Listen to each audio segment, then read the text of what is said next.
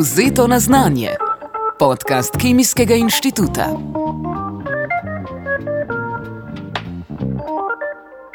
Lepo pozdravljeni v tretji epizodi podcasta Vzeto na znanje, ki nastaja pod okriljem Kemijskega inštituta. Danes je z nami dr. Sara Drvarič-Taljan, raziskovalka v laboratoriju za moderne baterijske sisteme na odseku za kemijo materijalov na Kemijskem inštitutu, s katero bova govorili o baterijskih sistemih, natančneje o trenutnih raziskavah, ki jih izvajate na tem področju in o tem, kam se bo razvoj tudi verjetno usmeril. Lepo pozdravljeni. Pozdravljeni. Torej, ste raziskovalka v laboratoriju za moderne baterijske sisteme. Doktorat ste pisali na temo liti žveplovih akumulatorjev. Zdaj, baterije in akumulatorje, vsaj v neki splošni vsakdanji govorici, uporabljamo v bistvu kot sopomenki. Je to sploh pravilno, da jih tako uporabljamo? Ja, v slovenščini je baterija nadpomenka. Um, baterija pomeni neko napravo, ki pretvarja kemično energijo v električno energijo. Um, poznamo pa več osnovnih vrst baterij. To so primarne baterije, to so take, ki se lahko samo enkrat izpraznijo, potem material propade in lahko pač to baterijo samo še zavržemo. Um, obstajajo pa tudi sekundarne baterije, ki so take, ki jih lahko izpraznimo in potem nazaj napolnimo in večkrat uporabimo, in tem v slovenščini rečemo akumulatorje. Zdaj, uh, Najbrž je to zamenjevanje predvsem prišlo iz angleščine, ker v angleščini se, se obem tipom reče samo battery. Um, kar je najbrž tudi razlog, da se bom mogoče v današnjem pogovoru jaz kdaj zmotila in uh, rekla baterija, uh, vendar bom skoraj 100% mislila akumulator. v redu, bomo preverili sproti. Uh, zdaj, omenili ste, da torej kemično energijo spremenjamo v električno energijo. Na kakšen način pa pravzaprav ta proces poteče? Um, torej, osnovni deli baterije so nekako štirje. Imamo dve elektrodi, ki sta nasprotno nabiti, potem pa imamo še nekaj, kar ločuje te dve baterije, torej da ne dobimo direktnega stika. In sicer med praznjenjem in med polnjenjem potekajo elektrokemijske reakcije na teh elektrodah, ki v okviru teh elektrokemijskih reakcij se oddajajo oziroma sprejmejo elektroni, in ti elektroni torej potujejo izven baterije po zunanjem toku krogu, pač to je električni tok, ne, ki ga potem izrabljamo za napajanje naših naprav. Uh, najpogosteje si predstavljamo, da torej materijali, na podlagi katerih to poteka, so recimo liti. In žveplo. Uh, poznamo veliko materijalov, iz katerih lahko delamo baterije in akumulatorje. S katerimi, naprimer, vi delujete na Kemijskem inštitutu in zakaj prav s temi? Um, Je zdaj tako, na Kemijskem inštitutu trenutno se ukvarjamo izključno z temi sekundarnimi baterijami, torej z raziskavami akumulatorjev. Um, nekako bi lahko v grobem razdelila, da je delo skupine na nekih dveh področjih. Um, eno področje je raziskovanje delovanja nekih že znanih, ustaljenih materijalov, torej um, da poskušamo te materijale pripeljati do najboljših zmogljivosti, ki bi jih v teoriji naj imeli. Um, to je preko nekih raziskovanj mehanizmov um, degradacije ali česar koli. Um, nek drug del skupine se pa ukvarja bolj z iskanjem novih, uh, obetavnih akumulatorskih materijalov, kjer pač potekajo raziskave čist, čisto osnovne, torej neka sinteza novih materijalov, ki bi bili uh, lahko elektrokemijsko aktivni oziroma pač uporabni za v akumulatorjih. Um, Tile so predvsem pomembni zaradi um, iztrajnostnega vidika. Torej, recimo, materijali, ki so trenutno na tržišču, um, niso nujno najbolj trajnostni. Um, in je edini način, kako recimo to lahko dosežemo preko um, raziskav, kateri drugi materijali bi še lahko bili uporabni v akumulatorjih. Um, če rečem točno specifično. Pri nas se recimo veliko ukvarjamo z raziskavami organskih akumulatorjev, pa tudi recimo kalcijevih, aluminijevih akumulatorjev. Ko govorimo o trajnosti, gre torej za uh, katere vrste trajnost, za takšno, na kak način pridobivamo te materijale ali kako jih potem deponiramo, kaj je pomembneje? Um, oboje. Mislim, po eni strani se gre za to, ali je na Zemlji sploh dovolj dostopnega tega materijala, da bi lahko iz njih pripravili dovolj akumulatorskih celic in bi bili te akumulatorske celice dovolj dobre za uporabo po celem svetu. Um, po drugi strani pa seveda moramo razmišljati tudi o tem, ali so ti akumulatori, ali imajo dovolj dobre lastnosti, torej napetost, kapaciteto, stabilnost, varnost. Um, tretja stvar je pa seveda ta, um, kaj se z njimi zgodi po tistem, ko se izrabijo. Mhm. Zakaj pa pravzaprav pride do izrabe akumulatorja? Um, ja, jaz bom rekla kemijske reakcije, ampak ne take, kot si jih želimo. Um, torej, sam material, um, kot sem omenila, med samim delovanjem akumulatorja potekajo kemijske reakcije, elektrokemijske reakcije. Hkrati, usporedno s temi elektrokemijskimi reakcijami, ki si jih želimo, pa potekajo tudi razne stranske reakcije. Torej, uh, mogoče material na katodi reagira z materialom, ki je druge, ali z ohišjem, ali pač karkoli drugega. Potekajo razne stranske reakcije, in sčasoma zaradi tega naš akumulator izgublja napetost, izgublja kapaciteto, slabša se učinkovitost polnjenja, in potem sčasoma pridemo do neke meje, ko ta akumulator za ta namen, za katerega ga uporabljamo, pač ni več smiseln. In, ga, in moramo z njim nekaj storiti. Kako pa naprimer lahko povečamo dolgoživost? um, odvisno, mislim, odvisno je, kaj je razlog, zakaj um, ta celica ni dolgoživa. Um, po eni strani so lahko to čist neki osnovni mehanizmi uh, znotraj celice. Um, Kar pomeni, da recimo za tem je kar nekaj raziskav um, kjer uh, raziskovalci poskušajo ugotoviti, um, kakšen je mehanizem um, te degradacije in ali se lahko v celico doda kakšen dodatek ali spremeni kakšen material, da bi se to preprečilo. Um, lahko pa je tudi, recimo, sprememba ne nujno znotraj celice, ampak kako mi s to celico rokujemo. Recimo, da so nekatere celice bolj primerne za delovanje pri višjih temperaturah, morda nekatere pri nižjih temperaturah, ali omejimo območje delovanja ali kar podobnega. Mhm. Če so moji podatki pravilni, eh, torej ponavadi, ko delate svoje raziskave, vse to delate v suhi komori. Mora biti res vse v suhi komori. Kaj pravzaprav je ta suha komora? um, ja, suho komoro so najbrž poslušalci že kdaj videli v kakšnem filmu. To je ena škatla, iz katere štrlijo rokavice. Um, in potem preko, pač v tej škatli je neka kontrolirana atmosfera, in mi preko teh rokavic rokujemo z materiali znotraj te škatle. Um, zdaj, ta kontrolirana atmosfera mora biti zaradi tega, ker so naši materiali občutljivi na določene stvari. Um, v suhi komori je lahko v določenih primerih tudi zrak, ampak mora biti suh.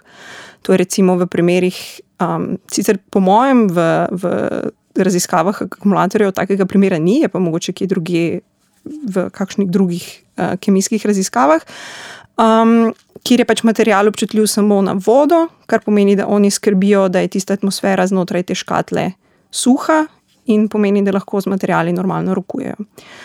Materiali, s katerimi se mi ukvarjamo, so malenkost bolj občutljivi. Recimo, kovinski liti je občutljiv na vlago, je občutljiv na kisik, je občutljiv tudi na dušik, in uh, zaradi tega imamo mi v naših suhih komorah argon. Uh mhm. -huh. Če so to tako občutljivi materiali, zakaj so potem tako pogosto v uporabi? Zakaj prav liti, kaj ga dela tako uporabnega? Ja, um, liti, liti je element iz, iz prve skupine periodnega sistema. Um, kar, in je nekako na začetku te redoks vrste, kar pomeni, da ima najbolj ugoden potencial uh, in ima pač enostavno v teoriji zelo ugodne elektrokemijske lastnosti. Pa verjetno se ga tudi enostavno pridobiva. Um, odvisno od kje. Um, mislim, tako je. Um, trenutno je sicer malo, ne bom rekla, kontroverznosti no, na tem področju, um, ampak nekateri recimo opozarjajo, da je. Uh, Iz trenutnih nahajališč litija, da je litija v tistih nahajališčih, odkje se ga trenutno pridobiva, premalo za uporabo, tako splošno uporabo v, v akumulatorjih. Um, je pa res, da je recimo litij, dosti litija tudi v morski vodi, um, kar pomeni, da ga je načeloma še kar precej uh, na voljo, je pa res, da ga je enostavno dražje uh, pridobivati iz morske vode in zaradi tega se še nihče ni tega lotil na neki večji skali. Ne? Tako da je, mislim, kompleksna uh, stvar vse skupaj. Ali predvidevate, da zna do tega vseeno priti, zdi se, da se potrebe po baterijah, akumulatorjih ja. pravzaprav povečujejo? Ja, ja, ja. Jaz mislim, da bo uh, zelo kmalo prišlo tudi do tega, da, da bo enostavno smiselno uh, pridobivati liti tudi iz morske vode. Mm. Se, kako pa je s tem pridobivanjem, naprimer, ko govorimo o električnih avtomobilih? Se pravi, veliko jih pravi, problem je v baterijah, uh, zaradi tega bojo avtomobili veliko prej šli na odpad kot uh, avtomobili, ki so sicer uh, na benzin ali na kakšno drugo pogonsko gorivo. In pravijo, da pravzaprav celoten cikl, da takšen električni avto nastane od svojega začetka pa do svojega konca, je pravzaprav manj trajnosten, kot da si recimo kupimo navaden avtomobil, kjer bo že za samo proizvodnjo porabljeno veliko, veliko manj sredstev in energije. Um, zdaj sicer uh, ne vem, kaj vse so upoštevali pri, pri teh izračunih. Um, če, če se recimo zdaj malo osredotočim na to, kaj se zgodi takrat, ko ta baterija oziroma akumulator ni več primeren za uporabo v nekem električnem avtomobilu. Ne? Um, to še ne pomeni, da bo ta baterija pač šla direktno na odpad in bo tam počakala na neko razgradnjo. V Evropski uniji načeloma obstaja zakonodaja, ki določa, da je potrebno vse akumulatorje v vsaj določeni meri reciklirati. Um, in to se pri teh uh, litij-ionskih akumulatorjih, ki so trenutno najbolj pogosti, um, tudi izplača, ker se v postopku reciklaže pridobijo nazaj tisti najbolj kritični materiali, ki jih lahko potem ponovno uporabijo za pripravo novih um, akumulatorskih celic, ki jih lahko potem ponovno ugradijo. Um, po drugi strani pa se veliko dela na tem, da bi lahko to baterijo, še preden bi torej šla v reciklažo, mogoče uporabili za kakšno drugo stvar, torej za drugo življenjsko dobo na nekem drugem področju. Ne? Torej, da bi baterije iz električnih avtomobilov lahko uporabili kot neke stacionarne baterije za prehodno shranjevanje um, uh, električne energije, uh, ki jih pridobimo iz nekih uh, veternih ali sončnih elektrarn, um, ali pa recimo mislim, da se trenutno že uporablja to v primeru teh uh, prenosnih polnilnih baterij za, za telefone, tile powerbanki, ki so. Ne. Mislim, da so tile, ti, te celice ponovadi take, ki so bile že prej nekje drugje uporabljene in so bile njihove specifikacije preslabe za tisto uporabo in so jih zaradi tega ponovno uporabili za nekaj drugega. Ne. Uh mhm. -huh. Ker pri tako manjši porabi pa so še vedno lahko uporabljeni. Ja, ja. Do katere mere pa torej lahko recikliramo baterije in akumulatorje? Um, odvisno, katere in odvisno, uh, pač odvisno je od posameznega materiala. Um, mogoče se nismo še toliko pogovarjali uh, danes o tem, da je dejansko to področje akumulatorskih materijalov zelo pestro. Um, torej imamo zelo, zelo, zelo dosti različnih vrst akumulatorjev, torej glede na tip materijala. In je potrebno dejansko pač postopek reciklaže prilagoditi za vsakega posameznega. Um, ker recimo pa zopet pride uh, pomembno dejstvo to, da je potrebno uh, urediti tudi zakonodajo na tem področju, da so um, baterijske celice pravilno označene. Da potem, ko pride ta celica v nek reciklirni center, da pač oni znajo določiti, kaj točno je noter in na kakšen način jo reciklirati. Mm. Vaš doktorat je bil naslovljen študij vpliva izbranih procesov in parametrov na notranjo upornost liti žveplovih akumulatorjev. Bi se danes, če bi še enkrat delali doktorat, mogoče ukvarjali s katerimi drugimi materijali kot ravno z litijem in žveplom? Um, najbrž ne. Uh, mislim, um, jaz sem, lahko sem končevala magistrski študij kemije. Um, se je na Kemijskem inštitutu pričel en večji evropski projekt um, v koordinaciji Kemijskega inštituta na temo liti žveplovih akumulatorjev, uh, in kar je bil razlog, zakaj sem jaz uh, opravljal doktorat na tej temi. Um, ampak se mi zdi, da je pač nekako izpadla neka tako lepa, zaključena celota, je bilo kar zanimivo. Tako da ne vem, če bi izbrala kaj drugače. Hmm. Ja, ko ste doktorirali, ste dejali, da je ena od težav teh liti žveplovih akumulatorjev tudi ta, da se akumulator prazni, če se dlje časa ne uporablja.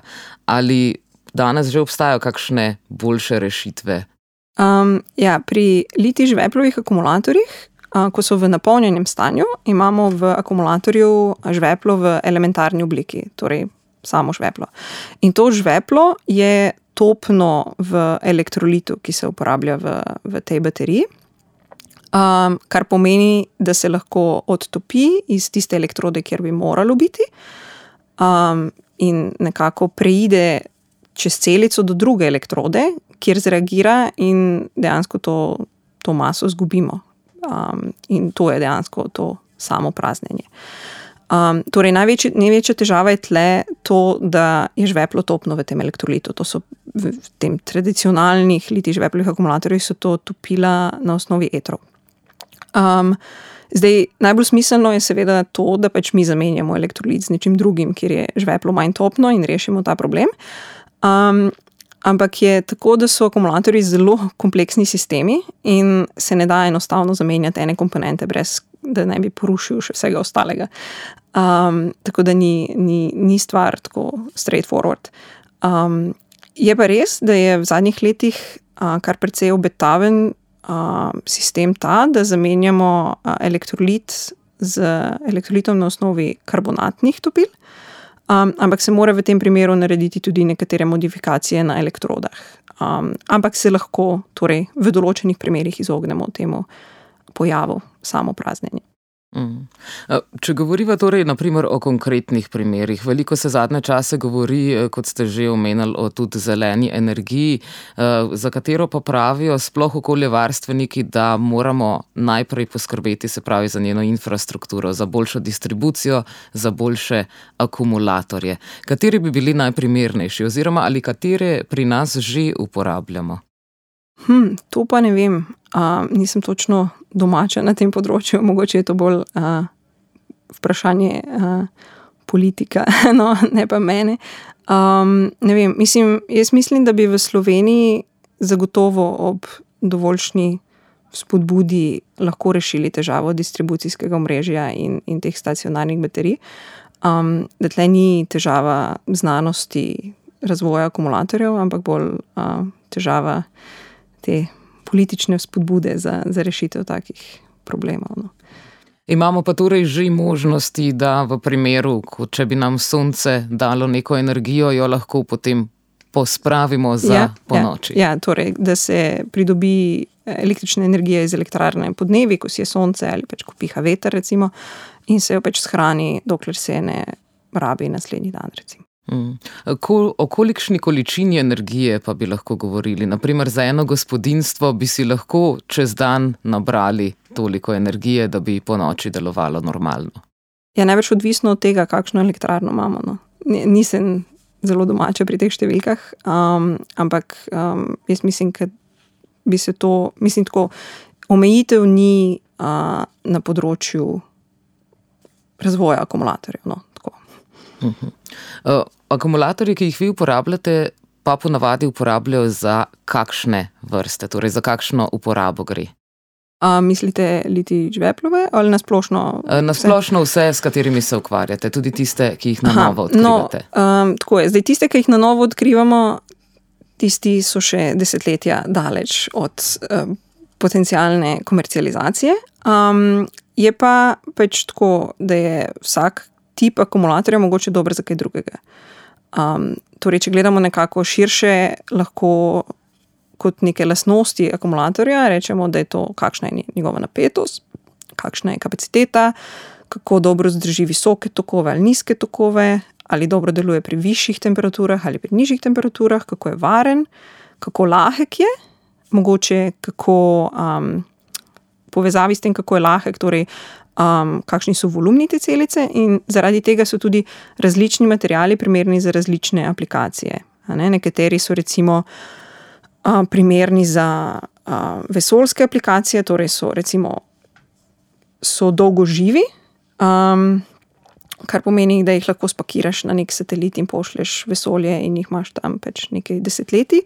Potem, kateri drugi so primerni za neke prenosne aplikacije, torej da so dovolj lahki, da jih lahko vem, vojaki nosijo sabo na, na svojih uh, uh, pohodih. Uh, potem nekateri drugi so dobri za visoke tokove in jih pač nekako tako je. Pač treba pogledati za vsak material, um, kakšne so njegove specifikacije, v katerem primeru je recimo boljši od drugih in ga potem uporabiti točno v ta namen. Mm. Za prihodnost eh, pravijo, da nam bodo tudi pri akumulatorjih lahko veliko pomagali umetna inteligenca, materijali sposobni samoceljenja eh, in podobno. Kam se trenutno zdaj razvija ta prihodnost?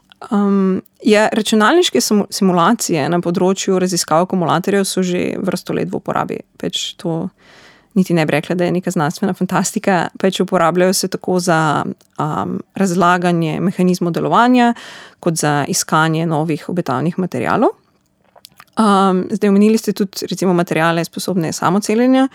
Um, pač na tem se, recimo, v zadnjih letih kar nekaj dela.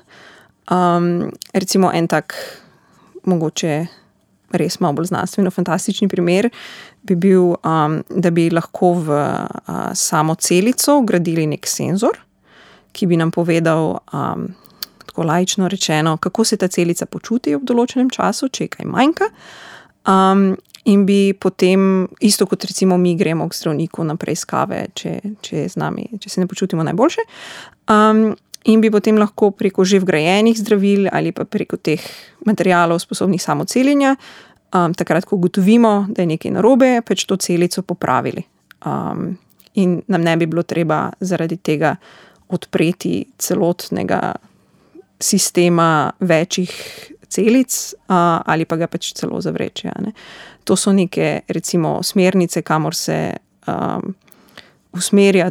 Prav tako usmerjajo raziskave na akumulatorjih, uh, in pač v zadnjih letih kar potek, poteka kar nekaj uh, raziskav in kar nekaj truda je vloženega na tem področju. Mhm. Zdaj, kako ste se pa vi usmerili v prav baterije in akumulatorje? Uh, torej, študirali ste na fakulteti za kemijo in kemijsko tehnologijo.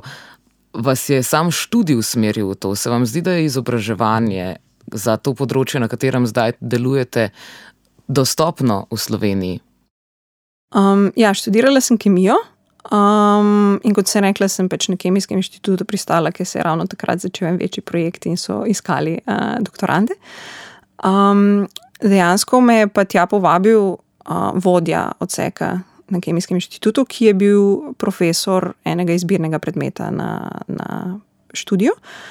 Um, in dejansko je ta izbirni predmet bolj kot ne edini, kjer smo slišali karkoli o baterijah in akumulatorjih na fakulteti. Torej, ti neki ustaljeni študijski programi v Sloveniji nimajo dosti vsebin na tem področju.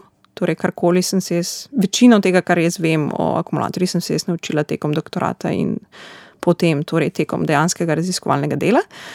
Je pa res, da je pred par leti se Univerza v Ljubljani priključila um, Erasmus Mundus magistrskemu programu MESK, MESK pomeni Materials for Energy Storage and Conversion, torej materijali za, pretv uh, materijali za pretvorbo in shranjevanje energije. Um, in ta magistrski program se izvaja vsak semester na drugi univerzi, kot rečeno, en semester tudi na Univerzi v Ljubljani. In um, celoten program je po posvečen popolnoma samo materialom, akumulatorskim in pač ostalim, ki omogočajo pretvorbo in shranjevanje električne energije. Um, tako da, recimo, to je ena priložnost, um, ki je dokaj dostopna za tiste, ki bi se želeli izobraziti na tem področju. Se vam sicer zdi, da vas je dovolj strokovnjakov v Sloveniji, ki se ukvarjate s tem, bi potrebovali še koga? Um, je zdaj tako, tako industrija kot. Uh, akademski svet v Evropi in po svetu, na splošno se mi zdi, da v zadnjih letih širijo um, svoje uh, delo na tem področju. Um, in glede recimo tega, koliko pride elektronskih sporočil o prostih mestih za doktorande in za doktorje znanosti, bi rekla, da ne bi škodilo, da se mogoče uh, ukrepijo prizadevanja izobraževanja kadrov na tem področju. Pa mislite, da je med študenti dovolj zanimanja za kaj takega? Sami ste bili sicer aktivni že v študentskih letih, med drugim ste bili tudi tutorka, že v bistvu za doktorsko nalogo ste prejeli preglovo nagrado za izjemno doktorsko delo, nagrajeni ste bili zlatim znakom Jožefa Štefana. Se vam zdi, da so bili vaši kolegi tudi tako aktivni? Um, jaz bom tako rekla. Jaz mislim, da so mladi nasplošno navdušeni nad, nad nekim raziskovanjem. Jaz mislim, da je to nekako v človeški naravi, da nam je zanimivo uh, nekaj malo eksperimentirati, pa malo probati. Um, večja težava je to, kako uh, mlade ohraniti v tem delu. Um, in sicer delo znanstvenika ni tako, da bi bilo polno nekih heureka trenutkov, uh, ki vse laufa tako iz prve. Um, Ponovadi je tako, da eksperimenti pač ne grejo. Uh, pa moraš nekaj spremeniti, pa praviti znova pa zopet ne gre, in še enkrat spremeniti, pa zopet ne gre, in pač se lahko zelo dolgo časa vleče. In je potrebno kar nekaj vztrajnosti in kar nekaj trme, da, da prideš do tega. Se enkrat že steče, sem uh, malo traja, da prideš do tega. Um, pri tem pa se mi zdi, da je mogoče zelo pomembno, um, kakšni so mentori. Uh, in da znajo mentori spodbuditi mlade in mogoče razložiti, da razlog, zakaj eksperimenti ne grejo, ni, ni nujno v tem, da uh, odraz nekako njihove sposobnosti dela, ampak v tem, da je pač narava in znanost taka, da uh, moraš veliko krat poskusiti, preden priješ do nekega velikega znanstvenega dognanja. Hmm. Se pravi, enostavno, verjetno ni, ampak povpraševanje po znanstvenikih vaše stroke bo pa verjetno z leti vedno več. Recimo, da ocenjujem, da ja. Ja, ker eh, zdi se, da res se baterije uporabljajo zdaj že skoraj na vsakem koraku. Se tudi vam zdi, da v času od zaključka doktorskega študija pa do danes, da se je mogoče povečalo, povišalo povpraševanje? Um, jaz bi rekla, od začetka mojega doktorata zagotovo, ker takrat niti ni bilo, še, mislim, po mojem, toliko električnih avtomobilov na cestah. Um, Medtem ko torej od takrat, to je zadnjih sedmih letih, um, mislim, da se dogaja razcvet, bi rekla, no, pač z tega področja. Mm. Se pravi, verjetno tako pri nas, kot tudi v Evropi, ste se mogoče udeležili kakšnega izobraževanja na to temo, ki nam je blizu, se pravi, dostopno uh, nekje v Evropi, mogoče ne ravno na kakšni oddaljeni celini. Um, zdaj, v zadnjih letih, zaradi, eh, predvsem zaradi korone, nismo neki dosti potovali ali se recimo izobraževali v tujini. Um, načeloma je tako, da je na leto kar nekaj konferenc, raznih strokovnih srečanj uh, za raziskovalce akumulatorjev, um, tako v Evropi, kot v Ameriki, kot v Aziji. Um, je pač nek, uh, neka velika skupnost. Um, takih raziskovalcev, ki se potem nekajkrat letno srečajo, predstavijo svoje rezultate um, in pač imaš možnost izmenjave mnenj. No. Um, razen tega sem pa zelo na kratko, um, torej nekaj mesecev, bila tudi v Nemčiji, um, kjer sem nekako v nekem drugem laboratoriju um, raziskovala ene druge akumulatorske sisteme. Mm. Ste precej aktivni, kako pa to, glede na to, da imate mlado družino doma, to usklajujete še s svojim družinskim življenjem, sploh med delom od doma, verjetno ni bilo najlažje. Ne, to pa res ne. Um, ja, pestro je. Jaz vedno rečem, da je pestro. Peč, um, tako imeti kariero in družino, um, tako so pač vedno so neki kompromisi. Um, zdaj um, ne morem reči, da če pač da moja karijera, peč, da družina ni imela nobenega vpliva na mojo kariero. Um, torej, če ne bi imela otroka, bi najbrž imela več upravljenih eksperimentov, več objavljenih člankov, mogoče kakšen projekt, nagrado, karkoli. Ampak to še ne pomeni, da bi se kadarkoli drugače odločila. Um, peč pomembna je predvsem podpora partnerja, podpora bližnjih in pa razumevanje nadrejenih. Hmm, torej, da se.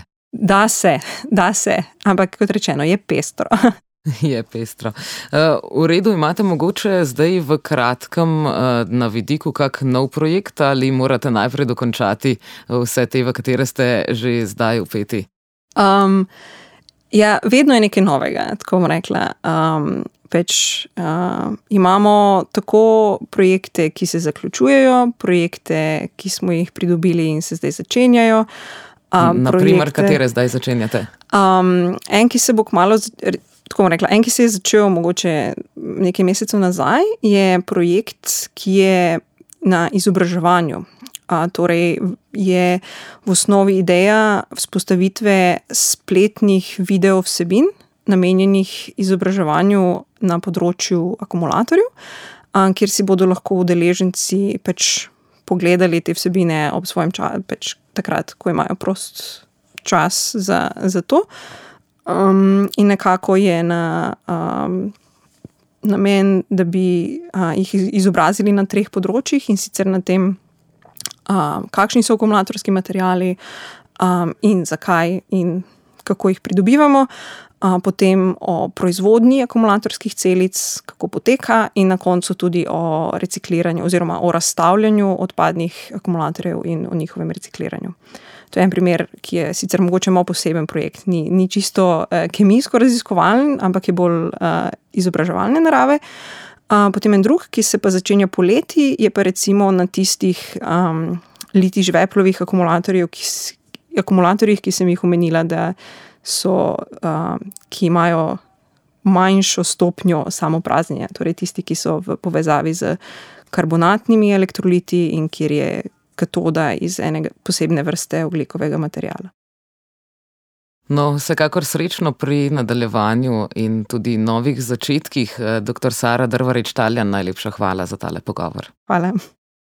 Preden se poslovimo, pa naj vas še povabim na teden Kemijskega inštituta, ko bo Kemijski inštitut na široko odprl vrata tako strokovni kot tudi širši javnosti in sicer med 6. in 10. junijem boste lahko ujeli vrsto zanimivih predavanj in omizi. Najbolj vedoželjni pa boste lahko pogledali tudi v laboratorije in se seznanili z življenjem raziskovalk in raziskovalcev. Poskrbljeno bo tudi za najmlajše, posebej naj pa omenim še eno od okroglih mis, ki bo potekala prav na temo dogajanja na področju razvoja baterij, o katerih sva nekaj spregovorili tudi danes. Celoten program tedna Kemijskega inštituta si že lahko ogledate na trikratvojnive.ki.si. Junija pa nikar ne zamudite tudi novega dela podcasta Vzeto na znanje, v katerem bomo gostili konstruktorja in proizvajalca ultralahkih letal Iva Boskarola. Pa lep pozdrav.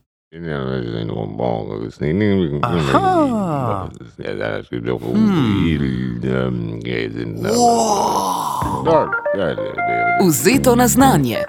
Podcast Kemijskega inštituta.